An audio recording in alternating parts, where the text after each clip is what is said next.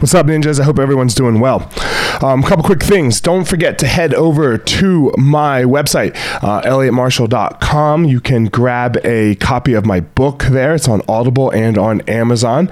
Um, also, there is my webinar, um, and this can be reached from my Instagram, so FireMarshal205. Give it a like, give it a follow, and you can get uh, my webinar there. You can get a free copy of my ebook there as well. So that's on Fire Marshal 205. Um, you can get to the, the course as well if you are interested in the course. And other than that, head over to my YouTube channel. Uh, again, Fire Marshal. I think it's Fire Marshal 01 for the YouTube. And give it a like, give it a subscribe, enjoy the content. And uh, man, that's it. I, if you are enjoying this podcast, please again share it with somebody. I would love if you sent something that you felt really helped you to a friend. So uh, forward that on. That would be greatly appreciated. Obviously like and subscribe on itunes or spotify wherever you're listening. So um, without further ado here we go. What's up everybody? How are you? Hope you're well. Hope you're doing had a great weekend. Um, so uh, this week guys i want to talk about something. I want to talk about boundaries. Um, and and what is a boundary and setting healthy boundaries and and we we can be so uh, poor at this, right? Uh, we can be so uh, we're good at setting physical boundaries, right? Especially especially a lot of us males, you know, especially especially as men. Um, look, you you won't do this to me, right? Like no you do that i'll beat your ass or you know or or whatever it may be that we that we deem is a boundary. You're not to speak to me like that. You're not to do that to me. How about emotional boundaries though is my question. When uh when do you set them? How do you set them?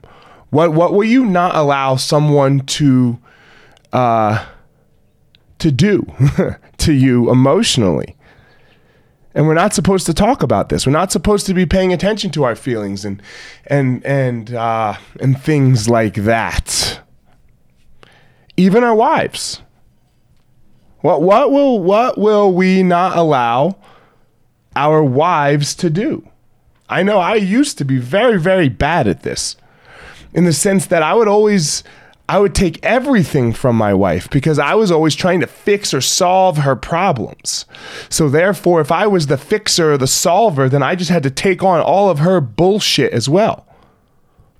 Now, look, I'm not crushing women here at all because we all have bullshit, right? We, we do it back. I do it back to her as, as well, you know? I'm just talking from my perspective here.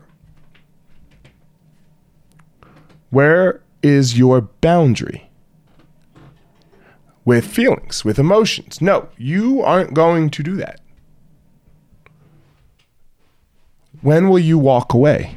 It's a good exercise to know when you'll walk away. Doesn't mean that it will ever happen. I actually just had one of my fighters uh, do this exercise because she relies very heavily on me, or so she thinks. You know, um, well she does, and she and she thinks it, it's it's it can be me sometimes. And so I asked her, "Hey, what would make you walk away from me? Like what would make what would make you push away and leave and not work with me anymore? And she's like, "Well, uh, it won't happen." I'm like, "Yeah, it could happen. There's things that I could do. There's things that I could do to make you push push away and make this relationship not work."